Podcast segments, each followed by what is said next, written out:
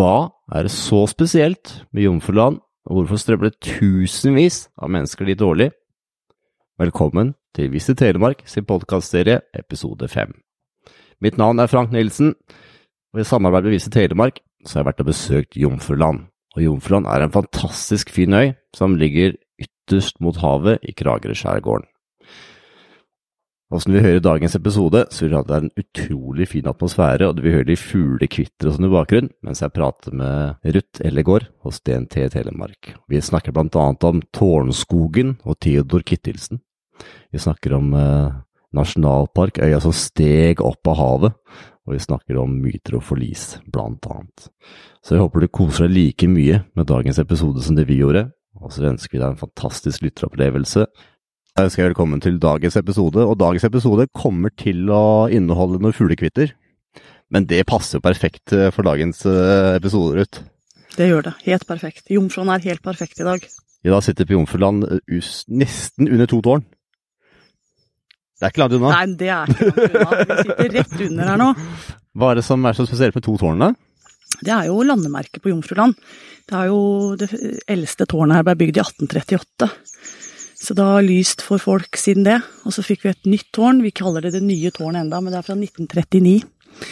Så det gamle tårnet det er åpent for publikum også. Så der kan man se utsikten, og da ser vi til Risør, til Vealøs, til Tvistein fyr, så 89 trappetrinn opp, og du ser utover verden, rett og slett. Det det første jeg la merke til når jeg kom inn her, er at det er veldig rolig her. Er det få mennesker som er her òg, eller? Ah, nå er det litt få, få Ja. mennesker. Vi bor jo 70 her året rundt, men en dag i juli så er vi kanskje 5000 mennesker her. Så da, da er det mye. Ja. Men eh, nå er det rolig. Og en onsdag i mai er ganske rolig. Ja. Og nyter stillheten nå før alle kommer. Men vi er kjempeglade for at folk kommer. Vi er både avhengige og syns at det er veldig hyggelig. Ja, for det er jo en fantastisk fin plass. Så hva er det som eh, Hva er det som gjør at du har valgt å være fast på Jomfruland? Ja, fordi jeg er født og oppvokst der. Så hadde jeg fem år i land i Langesund, men mannen min er fra Gomøy, så det passa for oss å flytte ut hit igjen for 20 år siden. Og jeg er i den oppfatning at alle har godt av å oppholde seg på Jomfruland innimellom. Da får man det bedre som menneske, tror jeg. Hva er det som gjør det, Ruth? For det er liksom roen her, og så er det naturen, og så er det menneskene her. Er en, eh, vi er 70 stykker som bor her, det er en blomsterbukett av en befolkning, det, altså. Får til mye sammen i fellesskap, og Velforeningen som ble stifta i 1956, har hatt mye med utviklingen å gjøre. Så vi møtes eh, en gang i måneden på møte og jobber mye dugnad og får til ting sammen, da. Så ordentlig samhold, da. Ja, det vil jeg si. Vi kjenner hverandre veldig godt, og kanskje av og til bedre enn vi trenger. Hvis du har glemt noe, så får du spørre naboen hva som skjedde dagen før. Er det restauranter og sånn der ute òg. Ja da, nå har vi to eh, restauranter som er i drift. Ok. Den ene har åpent eh, i helgene fra påske og på sommeren, og den andre åpner også i påske, men da er åpent utover høsten òg. Ja. Litt vinteråpent. Det er kjempekoselig å sitte en lørdag på Haga kystkafé og prate sammen. Og det er jo en del hyttefolk her, og de er jo hjertelig velkomne på alt som skjer, de også. Åssen er det, for nå kommer jeg inn på Tårnbrygga. tror- Mm. Jeg må ærlig innrømme at det her er første gang jeg har tatt en ferje der ingen sier hvor vi går i land, eller hvor vi Ja. stopper. Ja. Så tar man ferja over her, så må man være bevisst hvor man skal. Da må du følge med. Ja. No, Følg- følg noen med som kjører skiere nok også, men eh, jeg, jeg er enig med deg. Her må man være litt kjent for å komme på rett øy. Her tar man som en Det er trikken, det, Selvfølgelig at alle det Det er ikke som trikken i Oslo, dette her, altså. Kommer land nå. Så kommer jeg opp på bakke og møter en uh, fantastisk hyggelig person som leier ut sykler. Er det litt av denne greia når eh, man kommer i land her, at man tar sykkelen litt rundt og kikker og sånn, Mm, Veldig, Noen har med seg sykkel, og, og ellers så kan man leie sykkel hos Sykkelknut. Og det er jo flatt og fint, og gode veier og stier å sykle på. Så her lærer mange å sykle, og her er det fint for de aller fleste å sykle bortover. Så Sykkelknut, og han byr på både samtaler og, og litt ekstra hvis man eh, har behov for det. Her vi sitter nå, eh, Ruth, så sa du at det er jo en historie rundt med tårnet her, da. Men så ser jeg det er jo en skog og sånn eh, bak her. Hva er det Det du ser nå, det er Tårnskogen. Så inne i Tårnskogen her så ligger jo også Theodor Kittelsen-tjernet. Tårntjernet, der Theodor Kittelsen skal ha sett nøkken. Å ja? På slutten av 1800-tallet så kom Kittelsen ut, og da var han kamerat med fyrmester Ole Sart, som hadde, var fyrvokter i fyret her. og som alle oss andre, så så jo Kittelsen også at dette her var et flott eh, landskap og et flott sted å være. Så han lagde tolv eh, bilder i Jomfruland-serien, de henger på Nasjonalgalleriet i Oslo nå. Men, eh, så han var rundt på øya og har sett både Nøkken i tjernet, det er et troll, og som vi kjenner troll i Norge, hvis vi leser eventyrbøkene, så er det Theodor Kittelsen som har malt det. Men Nøkken, han, han bor i tjernet, og han må man passe seg for.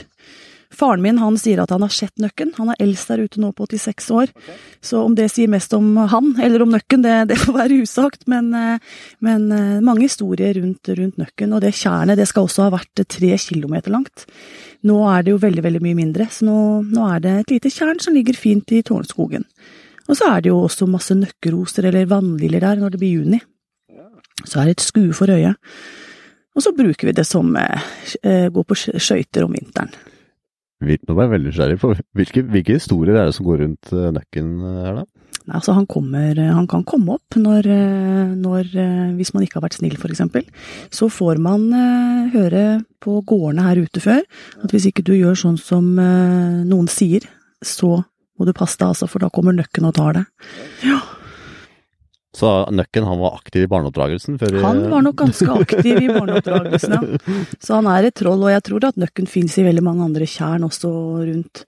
Ja. Både i Telemark og andre, andre, steder. Interessant. Har det vært en uh, del av din oppvekst med Nøkken og tjern og sånn, eller? Det, altså, på historien og. Altså, ja, vi hørte jo historiene, og vi, mm. vi, var jo alle, veldig mange skoleklasser, og vi som gikk på skolen på Jomfruland her også, vi, vi var jo og tegna nøkken, og vi var jo på en måte rundt det tjernet. Det går også en rullestolsti rundt det tjernet, så det er godt å gå, godt å gå eh, for folk, og godt å, å rulle på hjul, om det er barnevogn eller rullestol. Når han da så nøkken ned i tjernet, løp han rett tilbake og malte da, eller hva? Jeg tror, Nei, jeg tror jeg faktisk han sto ganske rolig der og malte, malte, og han har jo malt andre steder, og det er satt opp ja. sånne kunstplater på, okay. på små, små stokker, eller hva jeg skal kalle det, oh, ja. hvor kunstner da skal ha stått og malt. Så sju steder på Jomfruland kan man stå liksom i, i, i kunstnerens fotspor, da. Mm. Oh, ja.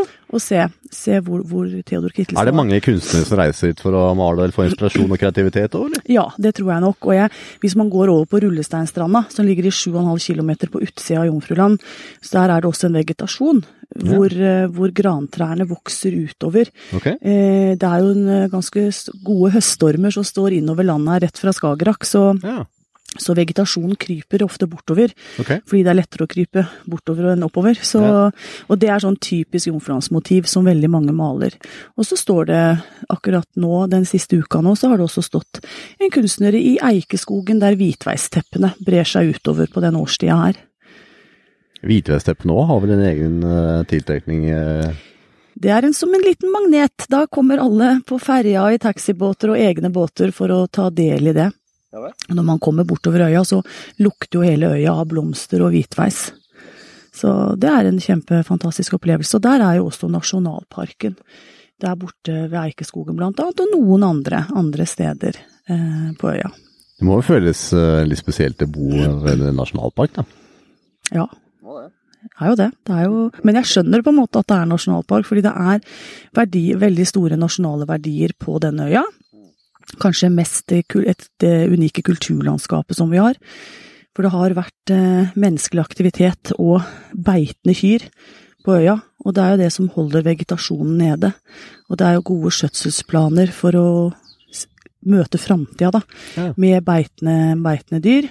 Og undervegetasjonen vokser jo opp, så det trengs menneskelige hender også for å få, få den ned. Så forvaltningsplanen jobbes med av Nasjonalparkstyret nå, for å, for å, få til det på de områdene. Men det er ikke hele Jomfruland som er nasjonalpark, det er enkelte områder. Okay. Langs Rullesteinstranda og områdene på begge tuppene, både sør og nord. Også i tårnområdet som vi er i nå. Eh, hva er det som er spesielt med rullesteinene? De rullesteinene de kommer jo, altså hele øya, jeg kan jo kanskje si det, at hele øya, vi kaller jo Jomfruen øya som steg opp av havet, og det syns okay. vi er et uttrykk som vi lever greit med. Eh, og det er sånn at eh, for 12 000 år siden det, det, skjedde kort fortalt på en måte, så, så for 12 000 år siden så lå det en iskappe tjukk iskappe over hele Skandinavia. Og enden av den iskappa, den lå akkurat her hvor Jomfruland er.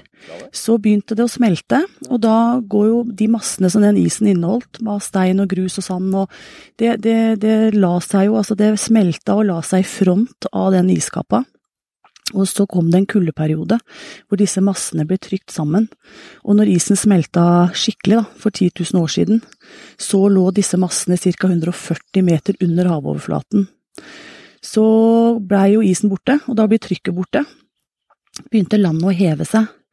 Så for en ca. 5000 år siden så kom Jomfruland eh, opp av havet. Og det, var, det, gjør jo liksom områdene rundt hele veien. Vi er en del av det store raet. Ikke sant? Så det kommer opp flere plasser langs kysten vår her i Norge. Men eh, så kom Jomfruland opp, og på begynnelsen så slo bølgene over. Så derfor så ligger sanda igjen Ja. på innsida, og bølgene vaska den ut, og så ligger det rullesteinsbelte på utsida. Yes. Og vi har jo de samme steinene både på Gaustatoppen og Drammen og Larvik-området som vi finnes her ute. Og det er jo derfor Geoparken også er inne her i, i forhold til alt det. Og vi har jo et svaberg også flere steder hvor man ser skuringsstripene etter isen og alle lagene. Så rullesteinene her er absolutt av, av høy verdi. Det eneste, det er ikke lov å ta med seg stein fra Jomfruland. Man kan ikke det. det er, men eh, man kan, eh, de bøndene her ute som eier eh, plassene her, de kan bruke det hvis de trenger å restaurere steingjerder. For det er mye steingjerder her ute. Og det er de gir veldig godt preg, da. Ja, det gjør jo det. Det er jo ordentlig kulturlandskap, det. Vi sitter og ser på det nå, og det er jo Ja. fantastisk Ja, det er kjempefint. Og så bruker vi steiner som gravsteiner på kirkegården vår her ute. Da er det på den Har dere egen kirkegården. kirkegård òg? Vi har egen kirkegård. Det har nok vært eh, mange som har vært gravlagt rundt omkring, da. Tidligere. Vi har noen gravrøyser eh, rundt omkring, eh, og folk har blitt skylt i land her etter forlis på den farlige farevannet som er på begge sider av denne øya tidligere. Så, så det er mange nok som er døde og begravd på Jomfruland, men vi har ikke hatt noe kirkegård å gå til i nyere tid.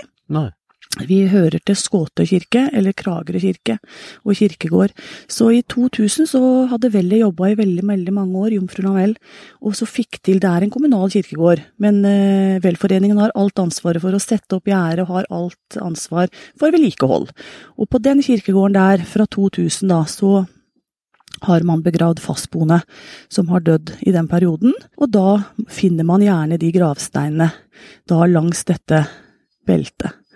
Så da sendes steinen til byen, og så graveres den på. Og så får man den ut igjen med ferja, og så setter man den på plass. Og hvis det er også sånn at det er jo hyttefolk som også har vært her i generasjoner, Mm. som har et veldig sterkt forhold til denne øya, og da, da har de lov til å søke Kragerø kirkelig fellesråd, og så kan de også få bli begravd på en urneplass der borte.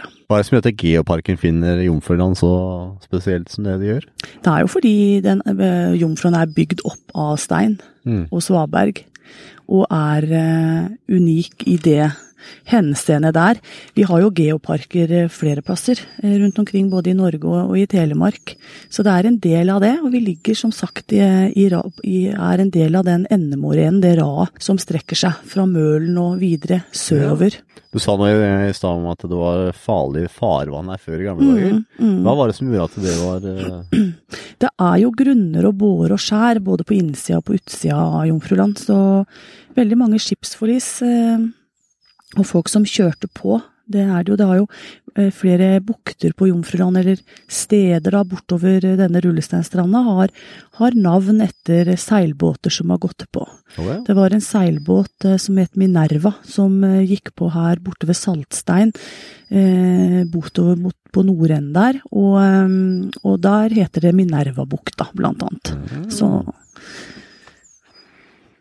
Når det kommer turister her på båten på, på sommeren, hva er det tror mange, mange søker eller forventer å finne eller vil finne, eller hva tror Jeg du tror, eh, motivasjonen til å motivasjon kan sikkert være så mangt, men jeg tenker at folk har lyst til å oppleve litt av det å på en måte vandre rundt da, på en øy som har alt, på en måte, Mm. og ligger helt ytterst i havgapet mot Skagerrak. Det er spesielt, Når du da. går, altså, ja, det er sånn at jeg jeg er kanskje litt inhabil siden jeg velger å bo her hele året, men det er klart det at eh, når man går, det er, når det er fint vær, sånn som vi har i dag, mm. og det er det veldig mye av her, så er det jo nydelig å gå på tur og være ute i naturen.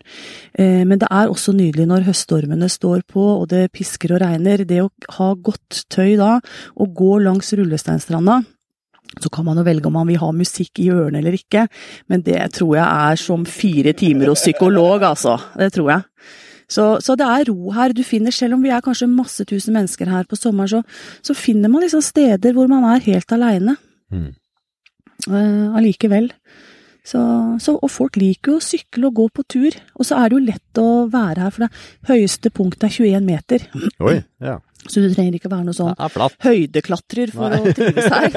Jeg kan jo legge til at det er ikke noen alpinister som kommer fra den øya her, det kan jeg si deg.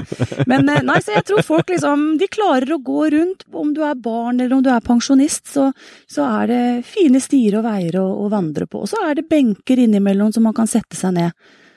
Og så har vi jo kunstutstillinger her. Noen er veldig kunstinteressert. Kragerø kommune har kunstutstilling i det huset som er, vi sitter nå, siden vi sitter i tårnområdet. Ja.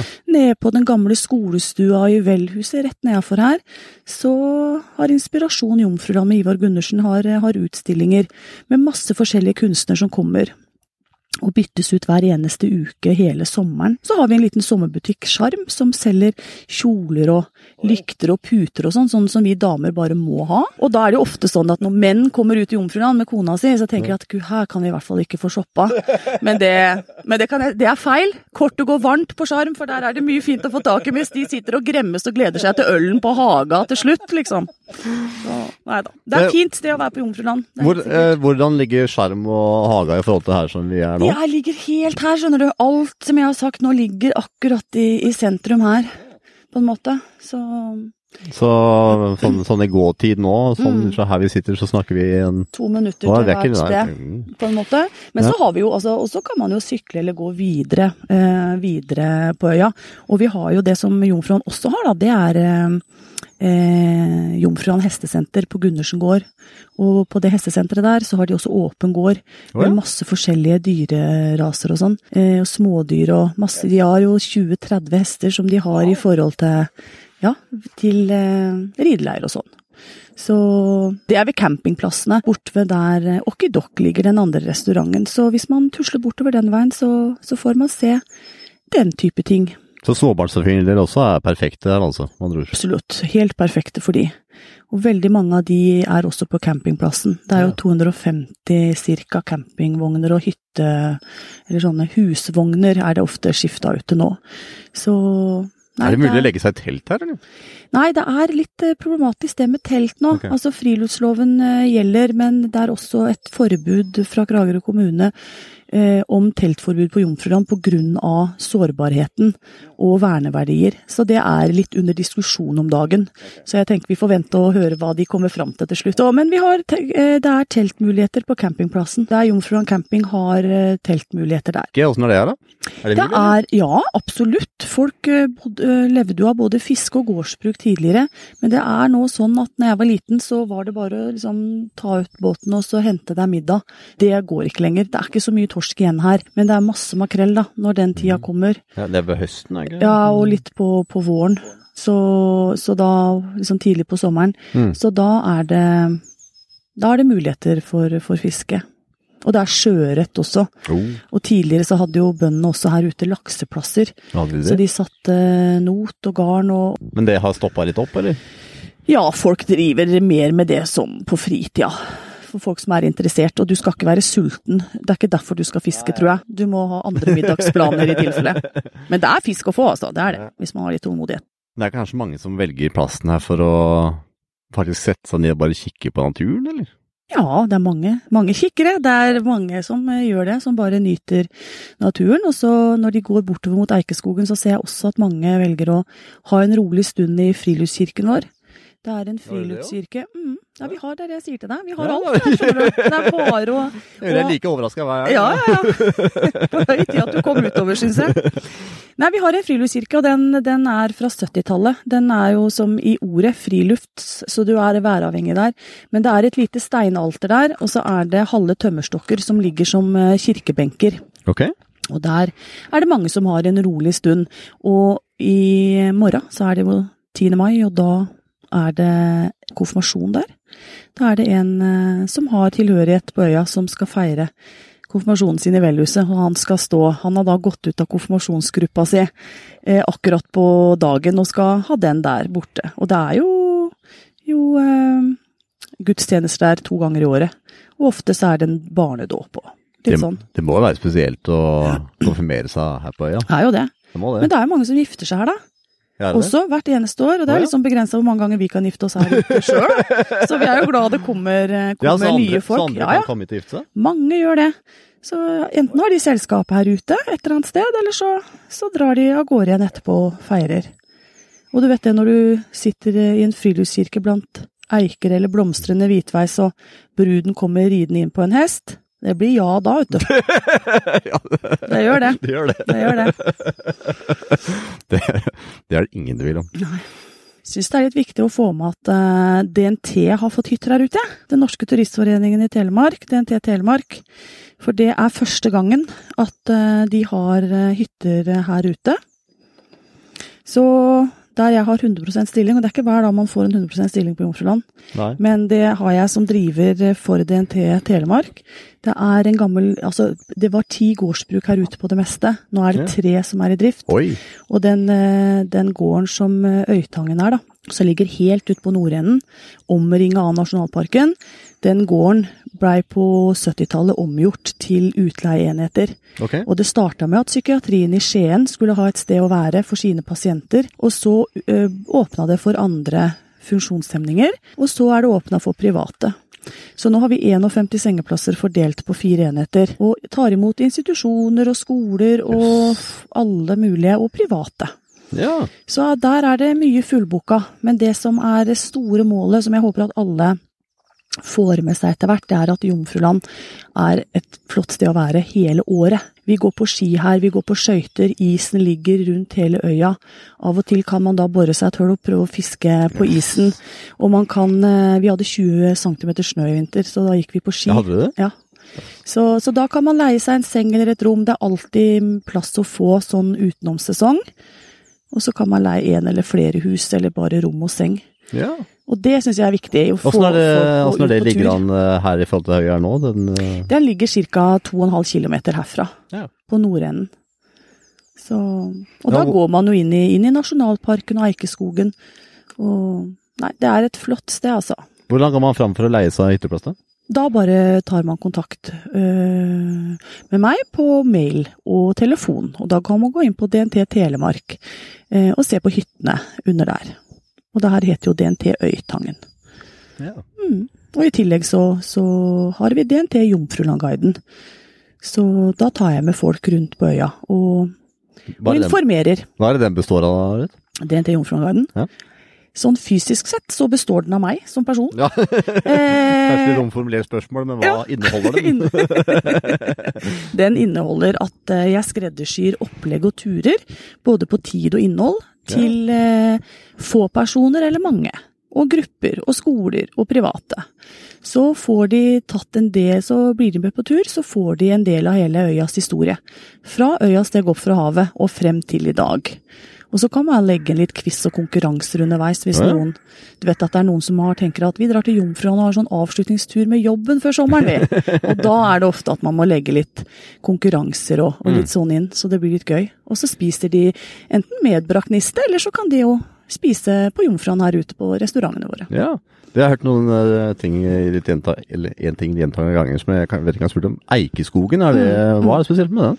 Det er en eikeskog eh, med eiketrær som er mange hundre år gammel, og som har disse hvitveis-teppene som vi har snakka om. Ja. Men det er jo i denne sesongen, ellers så, så Så den er spesiell på den måten. Noen av de eikene ble brukt eh, tidligere når Kragerø kommune hadde skipsverft eh, i forhold til å bygge trebåter eller treskip, da. Ja. Seilbåter i seilskutetida.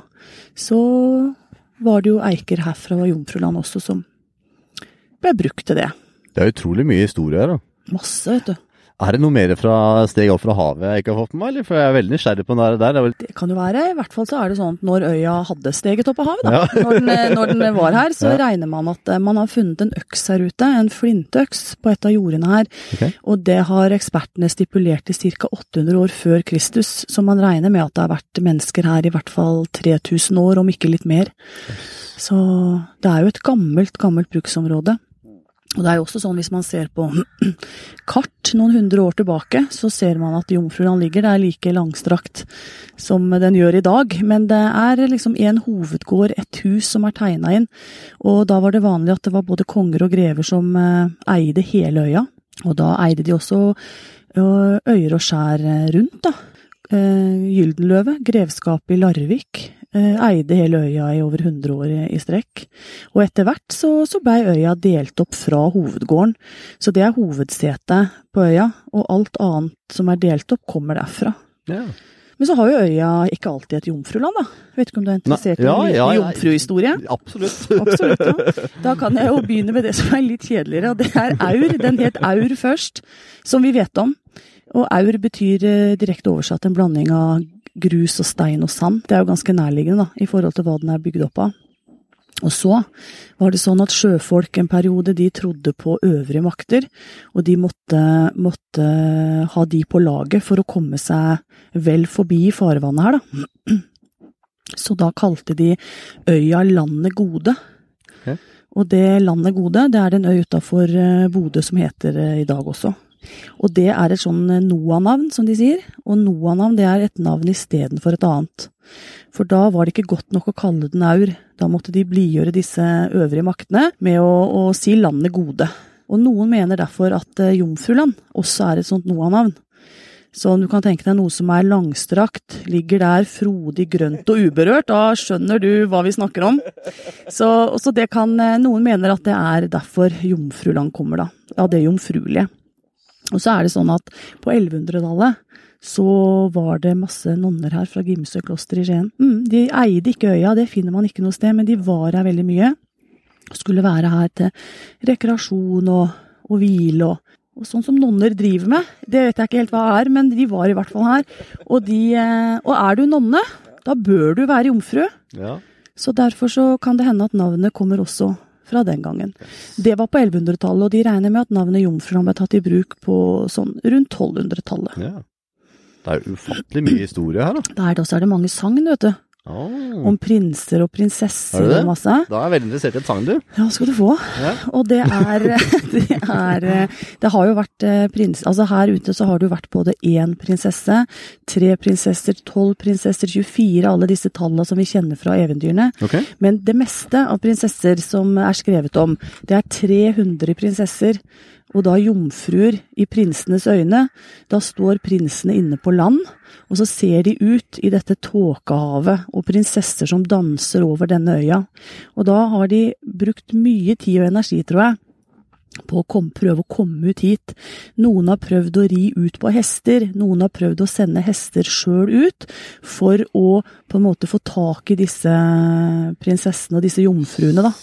Og, og en, et sagn forteller at en prins eh, blei så ulykkelig når hesten hans eh, kom ut hit for å samle inn disse, disse jomfruene, at eh, når han så at alle disse jomfruene bare steg opp i havtåka her, så brast hjertet hans, og han datt rett og slett spik dau om inne på stranda inne på fastlandet her. Så det er mange sørgelige historier også. Og så er det jo sånn at noen eh, har et sagn sier at Jomfruland eh, aldri blei fast da, når, når den kom opp av havet. At den var en flytende øy. Oi. Og for å få denne øya landfast, så måtte man da sende ut en gris med en stålring i nesa. For griser som har stålringer i nesa, de, har, eh, de kan gjøre det sånn at når de setter beina på denne øya her da, så blir bare øya landfast. Når, når grisen stiger i land. Men det var kanskje jomfruhistoriene du likte best? Jeg syns alle var veldig bra. Fascinerende på hver sin måte, egentlig. Og, og mye er jo liksom sammenfiltra også. Det er eh, mye av de samme historiene, og noen har, eh, har veldig mye likt i seg, da. Mm. Men jeg. En ting som jeg synes var veldig fascinerende, var at det, liksom det stiger opp. Er det, er det veldig mye tåke rundt her som gjør at det liksom virker som det stiger opp? Ja, det kan være. Altså, det er jo perioder sånn rundt påsketider. Nå er jo påska litt forskjellig, men hvis påska er litt sein, og, og nå, da når, når det er varmere, når vannet er kaldere enn lufta, så er det veldig ofte at det er, eh, er tåkete rundt her. Men eh, sånn som i går, for eksempel, så var det meldt tåke. Og da lå tåka på natta og på morgenen, men så klarer sola å liksom stige gjennom. Så da, da blir det en sånn tåke, det blir en sånn trollstemning her da. Ja, man er nødt Så til å gjøre det. det gjør det. Hvis du går inn i skogen som rett foran vi sitter her nå, og det er tåke, så må det virke litt Ja, så det blir litt sånn troll, trollsk da, altså. Du skal passe deg da, så ikke nøkken tar deg i tåka. Men tror du det er sånn man er på havet og før man eh, trodde på andre makter for at man skulle være på den trygge sida, og man fikk tåka, og så blei kanskje litt øya litt sånn eh, Mm. Tror det. Det er litt sånn mystisk øy da. Ja. Og så er vi, ligger vi jo tross alt helt ytterst i havgapet òg, Mm. så det er Danmark-Sverige neste. Så jeg skjønner godt at de syns det er litt skummelt, jeg. For her vi ser, vi ser, at, eh, ser vi vann der borte nå, gjør vi ikke det? Jo, det er ikke så langt unna. For det er, vi kan liksom, det er mange steder på øya hvor man liksom ser havet på begge sider. Ja. Mm. Eh, Og da ligger Danmark i Danmark ligger liksom i, så i lende. i i så i lende, ja. Ja. Det må jo ha vært veldig spesielt for de som eh, kom og seilte her for mange mange år siden, og så Mm. så man den øya som lå her uh, for seg selv. Det gjør jo det. Og den ser jo veldig altså Det har jeg i hvert fall hørt som folk som har veldig, veldig mange som har kjørt forbi her i en eller annen type båt, både før og, og seinere. Mm. Og de sier eh, veldig ofte at eh, når de kommer i land, så blir de veldig overraska over eh, hvor eh, hvordan det er på land her, da. For på, fra vannet så ser de steinene, og så ser de skogen. Men når du kommer inn, så, så de aner jo ikke at det ligger et tjern her. Veiene og stiene. Liksom, det er eh, veldig mye som man opplever når man kommer i land, og ikke bare kjører forbi. Hvis jeg ønsker nå å reise hit eh, for å se meg litt rundt, da. Men eh, det er mye mer moro og mye mer interessant å ha med seg en som kan eh, gi meg informasjon. Så hvordan fungerer det her ut? Er det sånn at du kan eh, stille opp når som helst? Hvordan fungerer det her? Det funker sånn at DNT Jomfruanguiden har noen påmeldingsturer som de legger ut på nettsida som påmeldingsturer. Det er både vår nå i hvitveisen og på sommeren. Da kan man melde seg på, og så kommer man med ferje fra Kragerø. Så starter turen på Tårnbrygga. Så rusler vi alle sammen over til eh, Tårntjernet, der Theodor Hilsen fant nøkken. Ut på Rullesteinstranda. Det kan hende. Noen eh, får plutselig øye på han. Og så tar vi oss en tur i det gamle tårnet, får historiene rundt disse stedene vi er på. Så tusler vi videre til Friluftskirken, og videre inn i Eikeskogen, og avslutter i områdene borte ved kirkegården. Og da får man historiene fra øya steg opp og av til fram til i dag. Og hvis man eh, har lyst til å komme på andre tider enn de påmeldingsturene er, så kan man jo ta med seg arbeidsplassen eller foreningen eller en gjeng, vennegjengen, og så kan man bestille guida turer til det tidspunktet og det innholdet og den tida det trenger. Normalt sett så vil jeg si at en god guida runde tar ca. to og en halv time. Men man kan gjøre mindre, eller man kan være med mer. Det velger man. Hvis man er en familie på, på fire, da. Mm. Man, da, ja, hvis man er en familie på fire, så kan man slenge seg på de påmeldingsturene. Det koster eh, 150 kroner eh, per person, og 50 kroner for barn på påmeldingsturer. Og så koster det en sum per eh, deltaker hvis man leier det inn som grupper og, og andre. Anbefales absolutt. Jeg har virkelig kost meg her i dag, så, Så tusen takk for tida di, Ruth. Takk for at du kom på besøk, og velkommen tilbake. Det skal absolutt komme tilbake igjen. Fint. Ha det bra. Ha det.